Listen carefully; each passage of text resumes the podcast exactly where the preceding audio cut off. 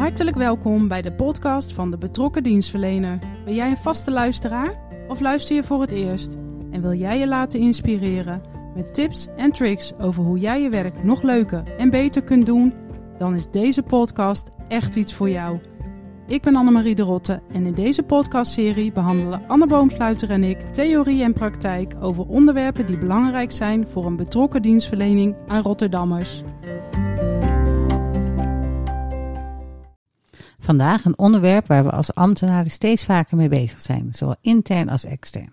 Inclusiviteit, van belang voor elke Rotterdammer en daarmee dus ook voor elke ambtenaar van de gemeente Rotterdam. Dat klopt en een breed onderwerp ook, want wat is inclusiviteit eigenlijk? Anne, waarom heb je voor dit onderwerp gekozen? Nou, in de Rotterdam-module is dit een onderwerp dat elke training aan bod komt en waar mensen altijd meer over willen weten. Dus het is een uh, heel breed onderwerp en daarom kaderen we vandaag af op inclusief communiceren. En Ron de Koning heeft zich hier de laatste jaren in gespecialiseerd en kan er alles over vertellen. En, maar voordat we hem inbellen, Annemarie, een vraag aan jou. Is inclusief communiceren een onderwerp waar jij veel mee bezig bent? Uh, ja, niet heel bewust met inclusief communiceren, maar wel met duidelijk communiceren en communiceren vanuit de doelgroep. Dus dan denk ik dat ik straks van Ron ook nog wel ga leren hoe dat nog wat inclusiever kan. En wat ik bijvoorbeeld zelf heel belangrijk vind, is, is het B1 taalniveau wat we, wat we hanteren. En dat doen wij best wel goed richting Rotterdammers. Maar ik wil dat eigenlijk nog wat verder doorvoeren. Want ik vind ook als wij brieven naar een raad sturen of uitleg in een notitie aan een wethouder, ik vind, of naar elkaar vind ik eigenlijk ook dat we moeten stoppen met die lange juridische ingewikkelde zinnen met vier bijzinnen, komma's, uh, puntkomma's. Dus uh, ik zit best wel eens met de rode pen en dan even digitaal uh, dat soort dingen aan te passen, omdat ik dat belangrijk vind. Wat ik ook merk is dat we toch regelmatig de vraag hebben: hoe, hoe zit dat met verschillende talen uh, om die te hanteren? Uh, zo zullen we straks in het gesprek met Ron misschien ook nog wel op terugkomen. En ja, ik vind het belangrijkste eigenlijk zo kort en duidelijk mogelijk communiceren, zodat zoveel mogelijk mensen het begrijpen. En ik heb daar zelf recent de workshop Duidelijke Taal uh, over gevolgd. En dat was vrij confronterend om naar je eigen teksten te kijken. Eerst les te krijgen hoe het moet en dan naar je eigen teksten kijken. Dus uh, dat zou ik mensen ook aan willen raden. Die kan je gewoon uh, via Sophie kun je daarvoor opgeven. maar je kunt de collega's daarvan ook benaderen als je bijvoorbeeld met je team wil doen. Dus. Mooi, misschien ga ik die ook wel doen. Ik weet dat de burgemeester ook wel eens zegt dat je moet het gewoon op één A4 kunnen uitleggen wat je doet. En het is zo. En het, de kunst van het schrappen, dat is echt ja. stiekem heel erg moeilijk. Uh, en hoe zit dat bij jou op de afdeling? Zijn jullie daarmee bezig? Nou ja, wij proberen er vooral op te letten dat alle Rotterdammers betrokken worden bij de participatie en inspraak. En dat doen we dan door hen te benaderen op een wijze die bij die Rotterdammers in kwestie in dat gebied waarbij dat past. En dan gebruiken we zelf het liefste leefstijlen, uh, omdat het vooral voorbij gaat aan demografische kenmerken en het vooral uitgaat van de drijfveren van verschillende groepen mensen en proberen daar dan weer op aan te sluiten. Oké, okay. nou laten we eens kijken hoe, uh, hoe Ron dat doet en welke boodschap hij voor ons heeft.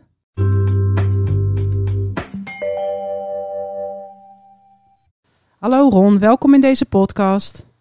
Uh, hallo, ja, leuk jullie uh, te horen. Nou, heel leuk dat je tijd voor ons wilde vrijmaken. En voordat wij de diepte ingaan, uh, leggen wij onze gasten altijd een dilemma voor. Om uh, nou ja, ook een beetje de persoon achter de stem te leren kennen. Uh, dus dat doen we vandaag ook bij jou. En dat heeft natuurlijk te maken met het onderwerp van dit interview. En het dilemma is inclusief communiceren of inclusief participeren. Oeh, ja, ja, ja, het staat natuurlijk niet los van elkaar. Um, maar ik kies dan voor inclusief communiceren. Omdat dat het begin is. Uh, als je, ook als je wilt participeren, zou je moeten beginnen met communiceren. Precies, want wij hebben ons uh, uh, al uitgelegd aan onze luisteraars dat je werkt als communicatieadviseur en je hebt je gespecialiseerd in inclusief communiceren. En kan je dan iets vertellen wat dat eigenlijk is, inclusief communiceren? Want ik kan me voorstellen dat er heel verschillende beelden over bestaan. Uh, ja, dat, dat zou heel goed uh, kunnen. Dat merk ik ook wel eens als ik mijn presentatie geef. Uh, maar voor mij is inclusief communiceren, zo, proberen zoveel mogelijk Rotterdammers zich in beeld en taal te laten erkennen in de communicatie. de communicatie van de gemeente Rotterdam dan. En dan zonder stereotypering. En ja, ik heb dus ook gemerkt dat, nou ja, als je kijkt naar Rotterdam, is het een super diverse stad. Mm-hmm. dat, dat, zien we allemaal. Als we over de lijnbaan lopen of over de Noordmolenstraat of uh, winkelcentrum Zuidplein. maar in onze beelden zien we die diversiteit niet altijd terug. En dan heb ik het uiteraard over zichtbare diversiteit, dat is het leeftijd, geslacht, zichtbare beperking of huidskleur. Um, maar diversiteit is wel veel breder. En dat gaat ook over uh, ja, opleiding, seksuele voorkeur, uh, culturele achtergrond. Nou ja, zo kun je nog wel andere verschillen opnoemen. En voor mij is het belangrijk dat, je, dat we oog hebben voor die verschillen. En, en dat is de diversiteit. En inclusie gaat dan over hoe, hoe ga je met die verschillen om. En als je het dan hebt over inclusief communiceren, ik, weet, ik heb me daar nog niet heel erg in verdiept. Maar ik denk dan al heel gauw aan, oh, dan moeten we verschillende talen hanteren, zodat iedereen het kan lezen en begrijpen. Uh, maar ik gok zomaar dat het, dat het veel breder is dan alleen maar talen. Klopt dat? Ja, nou ja, taal uh, is sowieso één onderdeel van inclusieve uh, communicatie. het gebruik van verschillende talen, daar hebben we natuurlijk in Rotterdam jarenlang hebben die mogelijkheid niet gehad, omdat we altijd in het Nederlands uh, moet, moeten communiceren. Uh, maar corona heeft aangetoond dat het wel belangrijk is om je boodschap in verschillende talen uh, te uiten af en toe. Um, al, zeker als er een gezondheidscrisis bestaat. En, en, dat je moet zorgen dat mensen de boodschap leren en, en te horen kunnen krijgen. En daar ook naar kunnen handelen. Maar dat is het gebruik van verschillende talen, maar taal sowieso. ja, we gebruiken B1 bij de gemeente Rotterdam om in te communiceren. Dus dat is al zorgen dat zoveel mogelijk mensen die taal kunnen begrijpen. Um, maar taal gaat ook verder. Hè. Het gaat ook over woordgebruik. En met woordgebruik kun je ook mensen uitsluiten. Uh, een simpel voorbeeld, woord invalide uh, betekent letterlijk minder waard. Wordt nog vaak gebruikt. Is ook geen woord, het staat ook in, in, in, je kunt het ook gebruiken. Alleen voor mensen met een beperking is het uh, ja, toch een woord dat eerder uitsluit Ehm, dan insluit. En daarom zou ik, ja, vraag ik ook altijd van, nou ja, eh, wees je bewust van wat het woord betekent en wat dat voor mensen met een beperking kan betekenen. En gebruik dan een uh, alternatief. Ja, mag ik het dan een beetje uh, samenvatten als een wijze van communiceren waarbij we iedereen insluiten? Ja, insluiten is een heel belangrijk woord als we het hebben over inclusieve communicatie. En kijk, het gebeurt heel vaak onbewust en uh, dat we onze vooroordelen of stereotyperingen uh, meenemen in onze communicatie en vanuit ons eigen perspectief communiceren. Maar dat betekent ook dat we automatisch uh, mensen kunnen uitsluiten als we dat doen.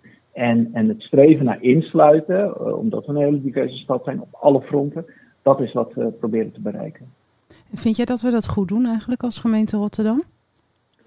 Um, we zijn het uh, steeds beter uh, gaan doen. Uh, in 2019 hebben we een onderzoek laten uitvoeren naar hoe inclusief de gemeente Rotterdam communiceert door twee externe bureaus.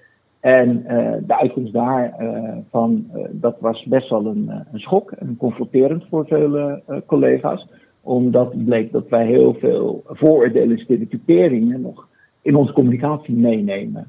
een klein voorbeeld is dat we uh, dat we bijvoorbeeld uh, heel vaak mensen met een biculturele achtergrond wel representeren in onze communicatie, maar dan in schuldhulpverlening of in armoede. Dus altijd in een hulpbehoevende stand. En de mensen die hulp bieden, dat waren witte ambtenaren of witte Rotterdammers. En dat waren heel vaak wel echte mensen, alleen de balans ontbrak. Want als we uh, biculturele Rotterdammers op een andere manier portretteren, dan was het vaak wel stereotyp, sport of rap of uh, of dans of muziek. Uh, maar, maar niet in andere banen, of niet als hulpverlener bijvoorbeeld, of niet als een apotheker of een jurist of wat dan ook. Dus die balans ontbrak in onze communicatie. En daar zijn we toen hard mee aan de slag gegaan, om meer door presentaties te geven en, en, en, collega's bewust te maken van inclusieve communicatie, of van hun eigen voordelen, ook middelen te maken. En vorig jaar hebben we een eenmeting gedaan en daaruit bleek dat we toch wel resultaten hebben geboekt met alle middelen die we hebben ingezet. Uh, en, en ja, de onderzoeksbureaus die, ja, kwamen tot de conclusie dat we veel meer balans in onze communicatie uh, uh, hebben toegepast. Ja, ja wel, ik, ik zie het ook hoor. En ik weet het natuurlijk ook, ook, van de presentatie, maar ik zie ook heel erg die verschillen.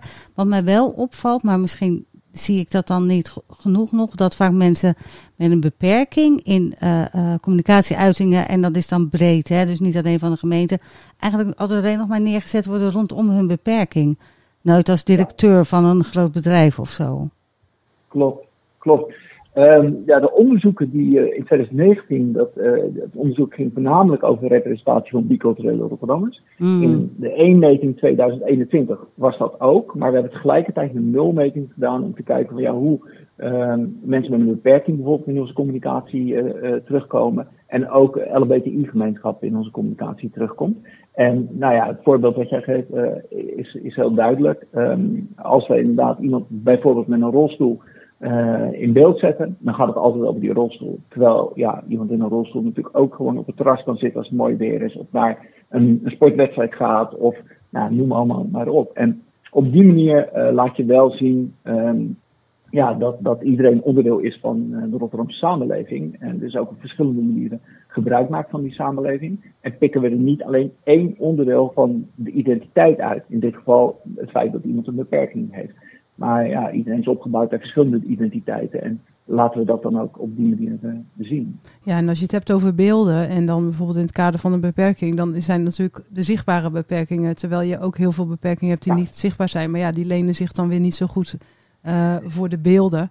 Uh, dus het lijkt mij ook wel lastig. Ik moet ook denken aan nou ja, alles wat ook vanuit concerncommunicatie is ontwikkeld om ons daarbij te helpen. Bijvoorbeeld aan de hele signing van de wijkhubs. Want dat vind ik ook wel heel erg mooi dat los van de kleuren, maar dat is gewoon een kwestie van smaak of je dat leuk vindt of niet en de type poppetjes. Maar daar zie je ook gewoon, zie ik echt wel dat er goed over nagedacht is dat iedereen die daar naar binnen zou kunnen bij zo'n wijkup zich welkom voelt en dat het ja, tot en met de signing is, uh, is doorvertaald. Dus vind ik zelf ook wel echt uh, heel erg mooi. Ja. En, ja. en nou ben ik benieuwd, hè, hoe, hoe is dit onderwerp zo bij jou op het pad gekomen als uh, communicatieadviseur? Um, nou, dat is eigenlijk in 2019, toen het onderzoek, onderzoek startte. Uh, de, destijds werkte ik voor Rotterdam Onperkt. Dat is het uh, programma waarbij wij als Rotterdam ook uh, ja, een, een, een, inclusieve agenda moeten maken voor mensen met een beperking. Het VN-bedrag handicap dat Nederland daar heeft ondertekend. Elke gemeente moet er aan doen. Ik werkte voor Rotterdam Onperkt en kwam erachter dat ik zelf nog heel veel vooroordelen heb. Met betrekking tot mensen met een beperking. Um, nou ja, één voorbeeld is dat ik een afspraak had met een, uh, met een man uh, op het timmerhuis. En die zat echt in een hele, hele complexe uh, rolstoel. En er gingen allerlei beelden gelijk bij mij werken. Hoe geef ik hem een hand? Hoe, hoe ga ik het gesprek voeren met die, met die persoon? omdat mijn vooroordeel was, die complexe rolstoel, die zal misschien ook wel invloed hebben op zijn, zijn, zijn, zijn, zijn mentale vermogen. Um, nou, die man was gewoon super uh, intelligent. Deed onderzoek bij de Hogeschool Rotterdam. En uh, nou ja, het was een ontzettend leuk gesprek. En, um, en, en ik dacht ook meteen, oh ja, oké, okay, voordeel, voordeel, ja. voordeel. um, en, en zo uh, raakte ik, ja, kwam ik met meer voordelen in aanraking van mezelf. Ik wist natuurlijk altijd wel dat ik, had, dat ik ze had, maar ja, geconfronteerd worden ermee. En in dit geval met mensen met een beperking, die zorgde ervoor dat ik ook inderdaad dacht, voorbeeld wat we net gaven, ja, mensen komen nooit in beeld als het niet over dat deel van hun identiteit uh, uh, gaat. Dus ik, zo raakte ik ermee in, uh, in aanraking. En toen startte dat onderzoek. Ik haakte aan bij het onderzoek en op die manier kwam, ik er, kwam ik ermee te maken. Um, ook moet ik eerlijk zeggen, persoonlijk belang wel. ik ben homoseksueel. ik herkende mijzelf vroeger eigenlijk ook nooit in reclames, in beelden op tv, zichtbaarheid uh, die was er wel, maar dan ja, op een hele stereotype manier eigenlijk. Uh, en in die zin ja, weet ik uit eigen ervaring ook wel dat het uh, ja, belangrijk is om, om, ja, om, om zo inclusief mogelijk beeld te laten zien van, van de maatschappij. En je te, te kunnen herkennen in, in veel uitingen. Ja, nou dat kan ik me heel goed voorstellen. En die vraag die nou bij mij opkomt, want ik heb soms ook wel het idee, maar dat kan ook heel persoonlijk zijn dat, dat we, en niet per se bij de gemeente Rotterdam hoor, maar dat we met z'n allen ook wel eens doorslaan. En dan kijk ik bijvoorbeeld naar bepaalde tv-reclames. Uh, waarbij je dusdanige gezinssamenstellingen ziet dat ik denk, nou, of dat nou nog representatief is voor wat er in Nederland gebeurt, is dat het, het moet ook nu allemaal alles, zeg maar. Snap je, snap je wat ik bedoel en hoe, hoe kijk jij daarna? Of letten we daar ook op dat het wel ook realistisch blijft? Uh, ja, daar, daar, letten we zeker op. Daar heb ik ook een voorbeeld van. Maar laat, laat ik allereerst nog even een voorbeeld geven van het doorslaan. Dat zit heel vaak ook bij ons in het hoofd. Hè? Als ik een voorbeeld geef van Rotterdam for Real, dat is het filmpje dat tijdens het, uh, voor het Songfestival werd gemaakt door de gemeente Rotterdam om het Songfestival binnen te halen. Um, dat filmpje, daar kwam heel veel commentaar op. En, met, en, het commentaar was voornamelijk gericht op uh, het feit dat de witte Rotterdammer ontbrak in het filmpje. Arjen van, Elen, van Velen sorry, van de uh, correspondent, die, die noemde dat uberdiversiteit. En nou, er stond een hele polemiek. En, en Hasna Al-Maroudi, die ging toen eens heel simpel turven in dat filmpje. En wat bleek nu? Dat filmpje was eigenlijk gewoon opgebouwd in 50-50. Dus 50% biculturele Rotterdammers, om het zo maar even te zeggen. Of zichtbaar bicultureel. En 50% uh, wit. Um, eigenlijk dezelfde verhouding die je gewoon in de stad tegenkomt. Maar in beeld zijn we daar blijkbaar niet gewend. En, en reageren we dus sneller ook zo van, uh, ja, nou, is wel een beetje te veel van het, uh, van het goede. Ja. Um, nou ja, dus, dus wat, zin, ja? Wat, ik, wat ik daarover wil zeggen, ik herken dat ook wel. Dat er ook vaak een, een vooroordeel is over hoe iemand dan bicultureel of hi, hoe iemand dan monocultureel eruit moet zien. Hè? Dus als een, uh, iemand, ja. de, dus nou ja, dat loopt helemaal door elkaar ja. heen. Dus die, die, stereotypering. En ook daarin zie je weer dat eigenlijk ja, iedereen heeft natuurlijk vooroordelen. Dus dan is dat dan weer een vooroordeel vanaf de andere kant. Dat kan ik me heel goed voorstellen. Je wou nog wat zeggen over het doorslaan, volgens mij. Of... Nou, het is een, nou, niet zozeer doorslaan, maar het is wel een worsteling. Ja. Uh, en dat begrijp ik heel goed. Het is, wel niet, het is niet altijd eenvoudig om, uh, ja, om het uh, zo inclusief mogelijk te maken. Een goed voorbeeld daarvan, en, en ik bedoel niet, niks ten nadele van mijn collega's die daarmee bezig zijn geweest, maar Wijk aan Zet, en misschien herkennen jullie ook nog wel de, de, um, de affiches die in de stad uh, hingen op grote trotters. Mm -hmm. um, daar stonden ongeveer vijf, uit mijn hoofd vijf mensen op. En dat voelde heel sterk als, um, als dat we even gekeken hebben van, oh, wie, wie moeten we er allemaal op laten uh, staan? Hè? Er stond iemand in een rolstoel op. Ja, ik vond het, dat vond ik dus ook heel gemaakt, inderdaad. Ja. Ja, en, en zij hebben natuurlijk wel hun best willen doen ja. om uh, zo divers mogelijk te maken. En tegelijkertijd was mijn advies uh, van, nou ja, maak er geen één uh, affiche van met al die mensen daarop, maar maak het individuen. Maak daar verhalen van per persoon. Dan kun je er ook iets over vertellen, over die personen. Um, en dan is dat veel minder, voelt dat veel minder gemaakt, laat ik het zo zeggen dan wanneer ze alle vijf op een rijtje op een, uh, op een beeld uh, uh, zetten. Nou ja, ook dit voorbeeld geeft ook wel weer aan hè, dat we er allemaal ook wel mee worstelen nog. Met al onze collega's van hoe doe je dat nou goed. En als jij nou ziet dat een collega daarmee worstelt, hoe kan je iemand helpen om dat verder te brengen? Ja, nou ja, laat ik vooropstellen dat het worstelen, dat is best goed. Hè? Want ik, ik denk dat het wel belangrijk is om inclusief te communiceren. Omdat we als gemeente, uh, als overheid eigenlijk, want de taak hebben om er voor iedereen uh, te zijn. Dus ook iedereen zich te kunnen herkennen in, uh, in, in de communicatie, in dit geval van de, van de gemeente. Um, en, en ja, met die worsteling, nou ja, wat ik altijd zeg, het gaat niet over goed of fout. Het gaat erover dat we, dat we ons bewust worden van hoe ons eigen perspectief over kan komen op uh, ja, diversiteit van, uh, van, van, van de Rotterdammers. En ga daarover in gesprek met elkaar. Dus, dus stel je ook een kwetsbaar op en vraag aan je collega van, ik heb nu dit gemaakt, of deze campagne, of dit middel, of deze tekst, of wat dan ook. En wil je, ja, wil je meekijken? Uh, en, en laten we samen even naar kijken. Hoe, hoe kijk jij hier naar? Dus dat is denk ik al een, stap één, om met elkaar het gesprek aan te gaan. Uh, tegelijkertijd kun je er zelf ook in verdiepen. Uh, het is niet zoveel geschreven over inclusief communiceren. Er staat wel een boek van Hanan Chalouki mm-hmm. over inclusieve communicatie. Uh, maar ja, wij hebben op Rio hebben we ook een, op de, het serviceportaal van HR van een heel onderdeel over inclusie. Waar je ook informatie uit kunt, kunt halen. Um, de Rio Groep Inclusiviteit bestaat. Um, er zijn drie filmpjes met een webinar die ook op die, dat serviceportaal staat. Uh, en nou ja, je kunt ook altijd wel met mij contact opnemen als je dat uh, wilt. Dan, uh, ik ga er graag over in gesprek met, met iedereen. Ja, leuk. En um, nou heb ik bijvoorbeeld over B1 taalgebruik de workshop Duidelijke Taal gedaan. Zijn er ook workshops, en wat, wat ik namelijk aan die workshop zo mooi vond, is dat wij onze eigen teksten voorgelegd kregen. En toen dacht, je, dacht ik zelf ook, god, daar heb ik heel lang over nagedacht, over die zin. Maar die is toch echt veel te ingewikkeld. Uh, en dan kan ik mij ook voorstellen met uh, inclusief communiceren. Dat als je, dat je, als je daar een workshop of iets dergelijks over krijgt, dat dat, dat ook heel erg zorgt voor bewustwording. Is zoiets er ook? Ja, zeker. Ik geef uh, workshops inclusieve communicatie. bij de gemeente niet alleen voor communicatiecollega's, maar voor alle afdelingen die daar meer over willen weten. Ik heb laatst nog een middag gezorgd bij onze onderzoeksafdeling OBI.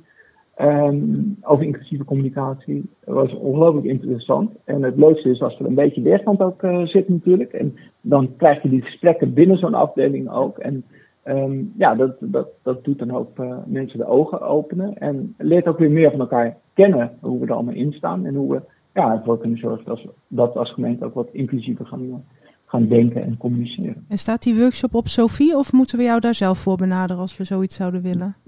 Uh, je kunt mij benaderen daar, uh, daarvoor. Uh, gewoon even een mailtje sturen en dan kunnen we kijken of we daar een afspraak over kunnen maken.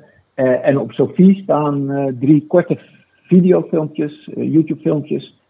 met een webinar, die is wel van een paar jaar geleden al. Dus ik heb hem inmiddels alweer flink aangepast. Maar dat is wel een mooie, nou ja, een mooie introductie als je, als je erin geïnteresseerd bent. Ja, precies. Dus alle onze collega's, ga, verdiep je eerst even in het onderwerp en daarna het aanbod om ook uh, naar jou, met jou contact op te nemen.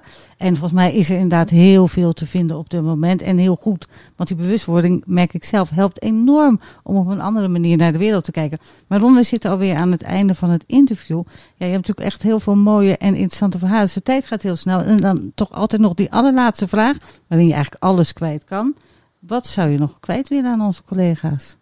Ja, eigenlijk heb ik het al gezegd. Um, dat, dat ja, ga met elkaar in gesprek. Ga het gesprek aan uh, over inclusie, of over inclusieve communicatie. En uh, ik denk dat je dan al in ieder geval een stap verder uh, weer, weer komt. het gaat niet over goed of fout. Het gaat over bewustwording. En ik denk dat, het, ja, dat we, als we daar samen een gesprek over voeren, dat we dat, ja, dat, we dat ons al een stap verder brengen. Een mooie oproep, dankjewel. Zeker weten. Dan Ron, zijn we nu echt aan het einde. Bedankt voor dit uh, leuke en uh, informatieve interview en uh, de mooie voorbeelden die je geeft en hoe je ook open staat voor de luisteraars om contact te krijgen. zijn wij heel erg blij mee, dus dank je wel hiervoor. Okay. Ja, nou super bedankt dat jullie me gevraagd hebben en nou, graag gedaan. En zet hem op met de podcast. Ja, ja dankjewel. dankjewel. hoi hoi. Hey. Nou, wat hebben we veel uh, informatie van Ron gekregen. En uh, wat ik de luisteraars nog even mee wil geven is... we hadden het uh, in het gesprek met Ron over verschillende talen gebruiken. En daar heeft concerncommunicatie een heel mooi afwegingskader voor gemaakt. En dat is een soort beslisboom. En dan kan je zien wanneer het wel en niet de bedoeling is... en een goed idee is om andere talen te gebruiken. En die kun je vinden op Rio. En als je rechtsbovenin bij zoeken taal en vertalen intypt en dan op zoeken drukt, dan is een van de eerste hits is talen en vertalen, beleid en afwegingskader. En uh, nou ja, als je een beetje struggelt met de vragen, mag het ook in andere talen, dan kun je daar het uh, antwoord uh, vinden. Dan namens Anne en mij, bedankt voor het luisteren en tot de volgende keer bij de podcast van De Betrokken Dienstverlener. Tot dan!